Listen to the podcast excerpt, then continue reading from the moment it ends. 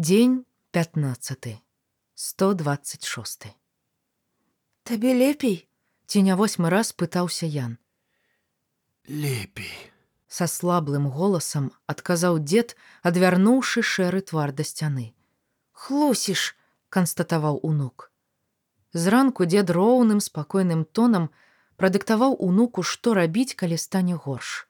Выклікаць хуткую скласці сумку інсулін мабільны зарадная змена бялізны ў пакеце мыла ручнік зубная паста шчотка брытва кубак лыжка кніга аловак некалькі аркушаў паперы. Спусціцца да сямёнаўны па запасныя ключы чакаць бацьку ў кватэры да вечара калі не прыйдзе тэлефанаваць валеру. Кватэру калі будзе з'язджаць праверыць святло і пліту выключыць ваду перакрыць дзверы замкнуць ключы здаць сямёнаўне да ўсяго гэтага яны сам бы дадумаўся але акуратна ўсё запісаў каб не трывожыць деда пасля дзед попрасіў яго адшукаць у блакноце рэцэпт а ў гаманцы грошы Калі стане горш, а хуткай доўга не будзе, давядзецца табе пайсці ў аптэку. Не люблю гэты прэпарат. Не надта ён добры для дыябетыкаў, таму дасюль не купіў. Але сэрцу ад яго лягчэй. Нядзельны марш яны не абмяркоўвалі, але гудзенне машын сведчыла, пратэсты трываюць. Ян пяты раз паправіў дзеду плед, прамакнуў сурвэткай спатнелы лоб. я выклікаю хуткую Можа яму падалося, а можа дзед урэшце кіўнуў, але Ян палічыў гэта за згоду. Дыспетчарка хуткая адказала імгненна. Ян пастараўся, каб голас гучаў як мага ніжэй. стары чалавек сардэчны прыступ сказаў Ян адразу. кілем иван иванович Дыспетчарка ўдакладніла адрас і ўзрост і загадала адкрыць вокны, расцерці хвораму грудзі і чакаць. Не праедуць. праедуць паспрачаемся насупіўся ўнук. праз чвэрць гадзіны будуць тут Калі прайграеш, у наступнай чвэрці будзеш мець 9 па-ангельскай. згода а калі ты прайграеш завядзеш сабаку Гэта безадказна. Чалавеку, які адной нагой у труне заводзіць сабаку. дастань нагу струны выгульваць сабаку зручней на дзвюх нагах і для сэрца карысна я чытаў Ён накрыў дзеда яшчэ адной коўдрай і разнасцежыў акно. Гудкі сталі гучнейшыя. Зачыні. Прастынеш. Дзед стараўся дыхаць роўна, спакойна, але твар заставаўся шэрым. Ян зачыніў акно. я выйду зірну з таго балкона ці едуць Давай. Толькі апраніся. Гэтым разам натоўп спынілі на падыходзе. Яну былі бачныя шлемагаловыя, якія загарадзілі вуліцу і мора галоў з рэдкімі сцягамі. Байцы стаялі акурат на заездзе да іх дома. Адзіным заездзе, бо з іншага боку ўзяліся рамантаваць суседні дом і учора раскапалі трубу.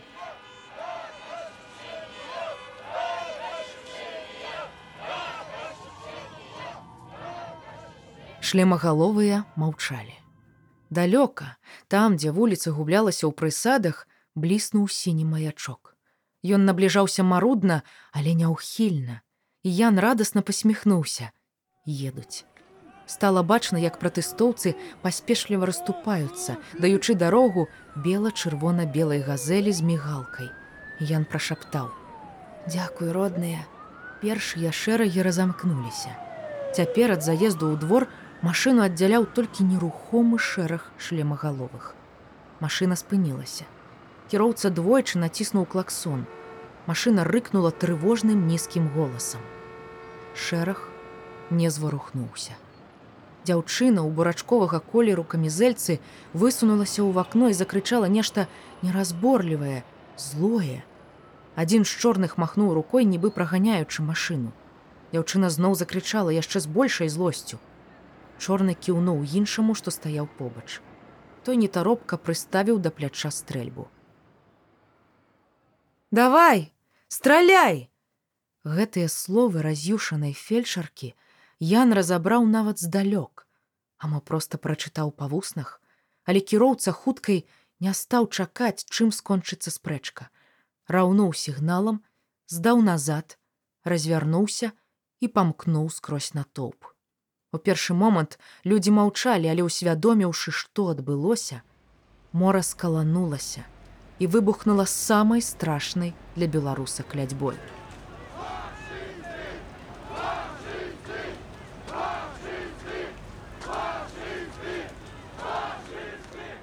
Ян не чуў.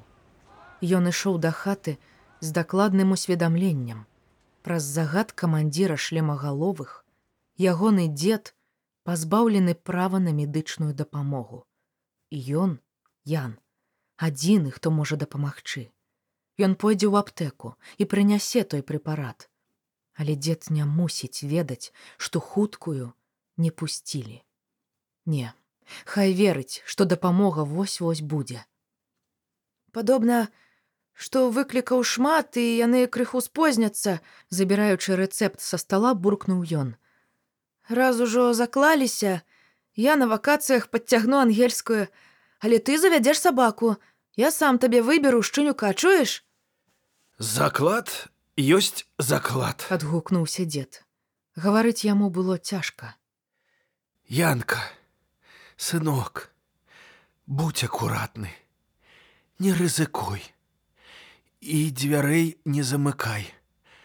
Пастаў бот, які каб не зачыніліся. Не турбуйся, вучаны. Ян заблакаваў дзверы чаравікам і пабег да суседкі. Сямёнаўна, Івановичу кепска, я выклікаў хуткую, а сам пакуль у аптэку. З парога крыкнуў ён і пабег на вуліцу. А старая крыкнула на ўздагон: « Я пад'езд папільную, не хвалюйся, золатка! і пакульгала апранацца. Ян збочыў за рог. Натоўп адступаў. Першы шэраг шчапіўся лакцямі, а шлемагаловыя дубасілі людзей па плячах, па нагах, выхопліваючы тых, хто саслабеў і адкідаючы пад ногі іншым чорным у балаклавах. Ян засяродзіўся на тым, каб хутчэй перабегчы дарогу. Там аптэка, там лекі. Ён віхляў між людзей, адскокваючы, калі нехта пёр проста на яго. Двойчы паслізнуўся, але падняўся, пераскочыў праз жалезны плот. Хацеў бегчы ды штосьці не пускала, відаць, зачапіўся вопраткай. Я нарвануўся, адчуў, як трэснула куртка, тузануўся яшчэ раз і вызваліўся. Вось і ганак аптэкі. На ім людзі, кабеты і двое хлапцоў, а знутры на дзверы налёг дужы мужчына. Прапусціце, у мяне рэцэпт! — крыкнуў Ян. У гэты момант некалькі чорных скіраваліся да ганка, і людзі кінуліся ў розныя бакі. Мужчына адпусціў дзверы.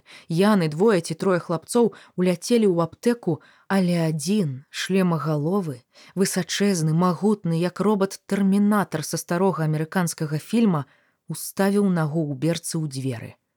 Выходзім, грамадзяне, не замінаем працы установы. Ці дапамагчы? Мне трэба вось гэтыя лекі. Прыўзняўшыся на дыбачкі, Ян сунуў рэцэпт у шчыліну між дзвюх шып і аберуч учапіўся ў падваконне. Хай толькі паспрабуюць адарваць яго адсюль. Дзецям не адпускаем. Бледная аптэкарка сунула рэцэпт назад. Паслухайце, пані, Ян стараўся казаць па-даросламу разважліва. Майму деду кепска з сэрцам, ён можа памерці. Выклікайце хуткую, абыякова параіла фармацэўт. Выклікалі а машыну не прапусцілі патрэбныя лекі подвысіў голас ян. Спінай ён адчуваў погляд тэрмінатара. Хай прыйдзе нехта з дарослых дзецям не адпускаем адказала на гэта аптэкарка і адышлася ў глыб памяшкання. Пачакаем пакуль мой тата адседзець 15 сутак на ўсю моц крыкнуў ян ці пакуль маці вернецца праз два месяцы са стажыроўкі А можа пачакаем, пакуль мне споўніцца 18. Чалавек можа памерці сёння, зараз. Аптэкарка маўчала. Праходзім, пачулася за спінай. Ды пайду я, пайду. Пачакай хвіліну, ці ж ты не чалавек, адказаў малады голас. Малы, дай рэцэпт. Грошы ёсць? Пані, дайце па хуткаму лекі, бо мяне аўтазак чакае. Аптэкарка моўчкі забрала рэцэпт і 50 рублёў. сунула між шыбамі рэшту і скрынку з ампуламі. Ян схапіў скрынку, сунуў у кішэню, павярнуўся, каб падзякаваць, але шлемагаловы ўжо выводзіў чалавека на ганак. Тадэвуш, зрабі што-небудзь, Узмаліўся ў думках Ян. Хай гыны паслізнецца, толькі паслізнецца. Шлемагаловы на ганку ўзмахнуў рукамі, ловячы раўнавагу, і на секунду адпусціў плячо затрыманага, схапіўшыся за дзверы. Адчуўшы свабоду, маладзён ірвануў праз вуліцу, увярнуўся яшчэ ад дваіх чорных і шмыгнуў між машын у глыб стаянкі, імгненна схаваўшыся з вачэй. Пятроўскі, цябе ў цырк хутка запросяць. Клоунам эквілібрыстам, Працадзіў з-пад шлема тэрмінатар. зорка Ютуба. Ён стаяў ля самых дзвярэй, і Ян вагаўся, ці паспрабаваць прайсці каля яго, ці перачакаць. І тут тэрмінатар зноў павярнуў шлем проста на яго. Прозвішча Кілім. Ян тадэвуш кілім. Ян утаропіўся ў забрала шлема, туды, дзе мусілі быць вочы. І тут як чорт тузануў яго за язык. Я ўнук палкоўніка кіліма, да якога вашыя не прапусцілі хуткую дапамогу. Дык віталь на сутках. Тэрмінатар ці тое не пачуў ягоных слоў, ці тое ён усё ж быў робатам і выконваў праграму, а звонку шлемагаловыя перакрылі вуліцу шэрагам шчытоў, рыхтуючыся выціскаць рэшту калоны. Так, на сутках. З дзедам толькі я. Загадайце вашым прапусціць мяне, каб я тут не заначаваў, запатрабаваў Ян. Ідзі, загадаў тэрмінатар. Ян спусціўся з ганка і рушыў проста на сцяну шчытоў. Ён не чуў загаду, але калі да сцяны заставаліся тры крокі, двое найбліжэйшых чорных сінхронна павярнуліся, левы ўлева, а правы ўправа, бразнуўшы шчытамі. Ян прайшоў між імі, і шыхт з такім самым бразганнем самкнуўся за ягонай спінай. Хлопец ішоў спакойна, выструніўшыся і годна ўзняўшы галаву бо вочы тэрмінатара буравілі ягоную спіну і толькі калі збочыў у двор пабег што духу. Сямёнаўна дзяжурыла ў пад'ездзе. Прыбылі лекары, далажыла яна. Дзякуй, на бягу крыкнуў Ян. да аптэкі ходу тры хвіліны. Ён ужо мусіў тры разы вярнуцца. З парога пачуў ён голас дзеда. Іван Іванович, будете хвалявацца, завязу ў шпіталь. Сувора прыгразіў знаёмы голас. Валера! Віскнуў Ян. Ты тут адкуль? Прыйшоў на падстанцыю абхадны ліст падпісваць. А тут Маша з Дашай вяртаюцца з выкліку і злыя, як чэрці. Расказваюць, што машыну завярнулі, не далі да вас праехаць. Мяне як токам сцебанула. Пытаюся адрас, адрас ваш. Я за сумку ды сюды. Расказваючы, Валера спрытна працёр скуру на руцэ дзеда спіртам, увёў катэтар, падключыў кропельніцу. Паказвай, што здабыў. Ого! Сур'ёзны прэпарат. І табе яго прадалі? Ну, не падарылі, прадалі, хмыкнуў Ян. потым неяк распавяду. Скажы, з ім усё будзе добра? З такім унукам можаш быць пэўны. Падміргнуў Валера. Але спакой, спакой і яшчэ раз спакой. Ніякіх маршаў, інтэрнэтаў і белсатаў. Калыханка і дабраранак. Ты тут неафіцыйна? Праблем не будзе? Дзед выглядаў куды лепей. Хай звольняць мяне яшчэ раз. Махнуў рукой Валера. Кардыёграф я ім адвязу. Цябе звольнілі? За што? Абурыўся Ян. За прагулы. У цыпе даведку не далі, бо не аплаціў. А на працы сказалі: няма даведкі, значыць прагул. Не хочаш, каб звальнялі за прагул, пішы па ўласным жаданні. Ну і няхай. Абрыдла як горкая рэдька. Іван Іванович, я вам свой телефон не проста так пакінуў. Калі што, тэлефануйце. І ты заходзь у госці, як будзеш дзе непадалёк хадзіць. запрасіў палкоўнік Келім. Я правяду. Ускочыў Ян. Каля ліфта пэўны, што дзед не пачуе, спытаў. З ім дакладна ўсё добра. Не надта добра. Ды лепей ці будзе. Сур'ёзна адказаў Валера.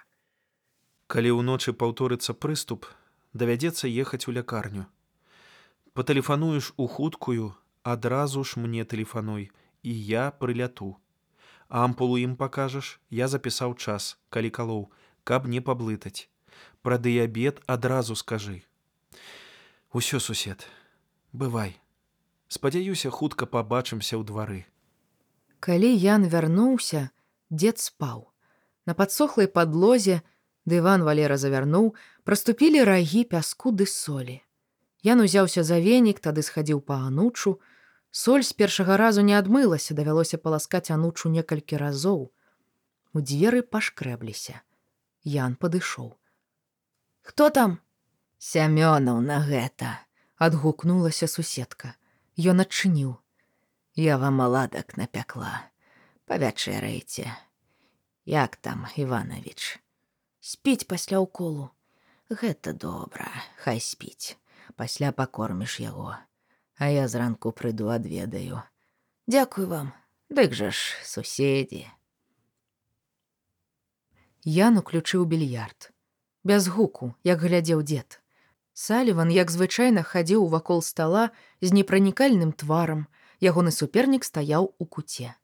Бязлітасны кій чэмпіёна адзін за адным заганяў шары ў лузы, без эмоцый, без слоў. Саліван быў адзін у цэлым свеце. Ян згадаў тэрмінатара. Можа, каб таго ў дзяцінстве навучылі гуляць у більярд, ён не шукаў бы задавальнення у біцці людзей дручком па галаве. Ці наадварот, Саліван, калі б служыў у спецназе з аднаго ўдару, Ян страпянуўся, бо адчуў, што засынае. Падышоў да дзеда, той спаў, дыхаў роўна, спакойна. Нехта зноў пашкропся ў дзверы. Ян глянуў на гадзіннік, палова на адзінаццатую. Каго прынесла ў такі час? Тата, гэта я, Віталь. Гукнуў знаёмы голас. Ян адчыніў і адступіў на крок, прыціснуўшы палец да вуснаў. Бацька кіўнуў, асцярожна прычыніў дзверы. Цябе там білі? строга спытаў сын. Толькі пры затрыманні ужо не баліць. Значыць, можам абняцца? А як жа ж? Але Ян не стаў скакаць на плечы тату, як зрабіў бы на месяц раней, абняў далікатна і амаль адразу адхінуўся. Не шумі. Дзед хворы, спіць. Ідзі ў душ, а я звару пяльмені. Я вячэраў. Ага, а яшчэ ты кожныя 10 дзён быў у душы і раз на 5 дзён гуляў паўгадзіны ў двары. Вошаў няма? Вось перадача, што ў дзеда не ўзялі.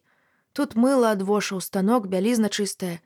Сваё ўсё скідаю пралку, за ноч высахне, распараджаўся Ян. Ты тут стаў палкоўнікам. Не ўтрымаўся бацька. З кім павядзешся, ад таго і набярэшся. Ты ж во з наркаманамі ды валацугамі звязаўся, а я з палкоўнікам. Добра, таварыш палкоўнік. Ідзі вары пяльмені. Пасміхнуўся Віталь. Ян прычыніў дзверы ваннага пакою і пайшоў на кухню. Пакуль закіпеў чайнік, выцягнуў два пачкі пяльменяў, засыпаў у рондаль і пайшоў праверыць деда. Той варухнуўся, прачынаючыся.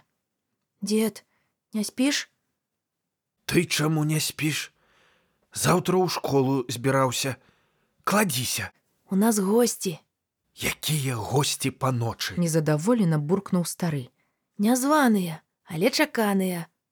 Не можа быць. Дзед сеў, прыслухаўся да шуму вады. Няўжо Віталь, Ён, валацуга, Што ж ты мяне адразу не пабудзіў? Збірай на стол. ды ўжо гатова. Дзедава кашуля была бацьку караткаватая, ды і на грудях не зашпілялася. На ключыцы былога арыштанта відаць быў жоўты кровападцёк. На брыве невялічкі свежы шнар. Цябе раней выпусцілі.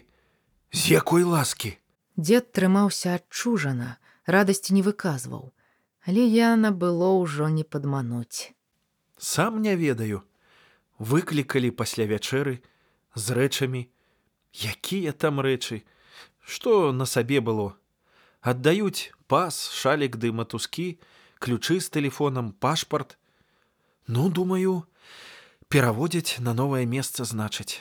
Накінулі яшчэ суткі. Злую, вядома. А потым думаю, праедуся, з людзьмі пазнаёмлюся, чым кепска. Павесялеў. Тады думаю, а раптам вырашылі з мяне сур'ёзнага наркамана рабіць, арганізатарам масавых беспарадкаў. Такі кар'ерны рост не вабіць. Пасадзілі мяне ў машыну, але руки пакінулі свабоднымі. Мяшок на галаву не надзелі, нават вокны не зашторылі. Во думаю шчасце на маёй вуліцы, еду як чалавек, а не як кілька, ды і без кайданкаў. Не відаць арганізатараў масавых беспарадкаў так не возяць. Гляджу на знаёмыя вуліцы, гадаю, дзе спынімся. І тут машына збочвае ў двор. Я вачам не паверыў, Няўжо думаю на ператрус вязуць. Ці палкоўнік кілім аказаўся чэшскім лялькаводам? Выводзяць, а самі сядаюць у машыну. Я стаю дурань дурнем. А мне з машыны нейкі дужа знаёмы голас крыкнуў: « Бацьку прывітанне! І з'ехалі. Гляджу ў пашпарт, даведка па заўтрашні дзень, як у пастанове суда, Каму ўжо ты пазваніў, не ведаю. Але падарыў мне сённяшнюю ноч ды заўтрашніх паўдня свабоды. Гэта не я, паківаў галавой палкоўнік кілім. Я ўжо сваё адзваніў. Цяпер хіба па мне пазвоняць. Вячэрайце, ды кладзіцеся. Паспіце сёння разам. Другой раскладанкі няма не гатэль. Дед паволі пасунуўся ў пакой. Як вы тут з ім? шэптам спытаў бацька. Нармальна, паціснуў плячыма Ян. А што, хіба магло быць іначай? Ды не. Ян жаваў цёплыя пяльмені, яму мроілася, што за вакном, недзе на суседняй вуліцы гудуць машыны. Хоць каму было гудзець у цёмнай, беспрасветнай ночы, што ўзяла ў палон двор, вуліцу, горад, краіну. Але кожны ведае, за ноччу прыходзіць дзень, поўны турботы радасцяў, падзеяў і перамог, бо мы разам. А калі мы разам, думаў Ян, перамога будзе за намі. І тадэ ж з ім цалкам пагаджаўся.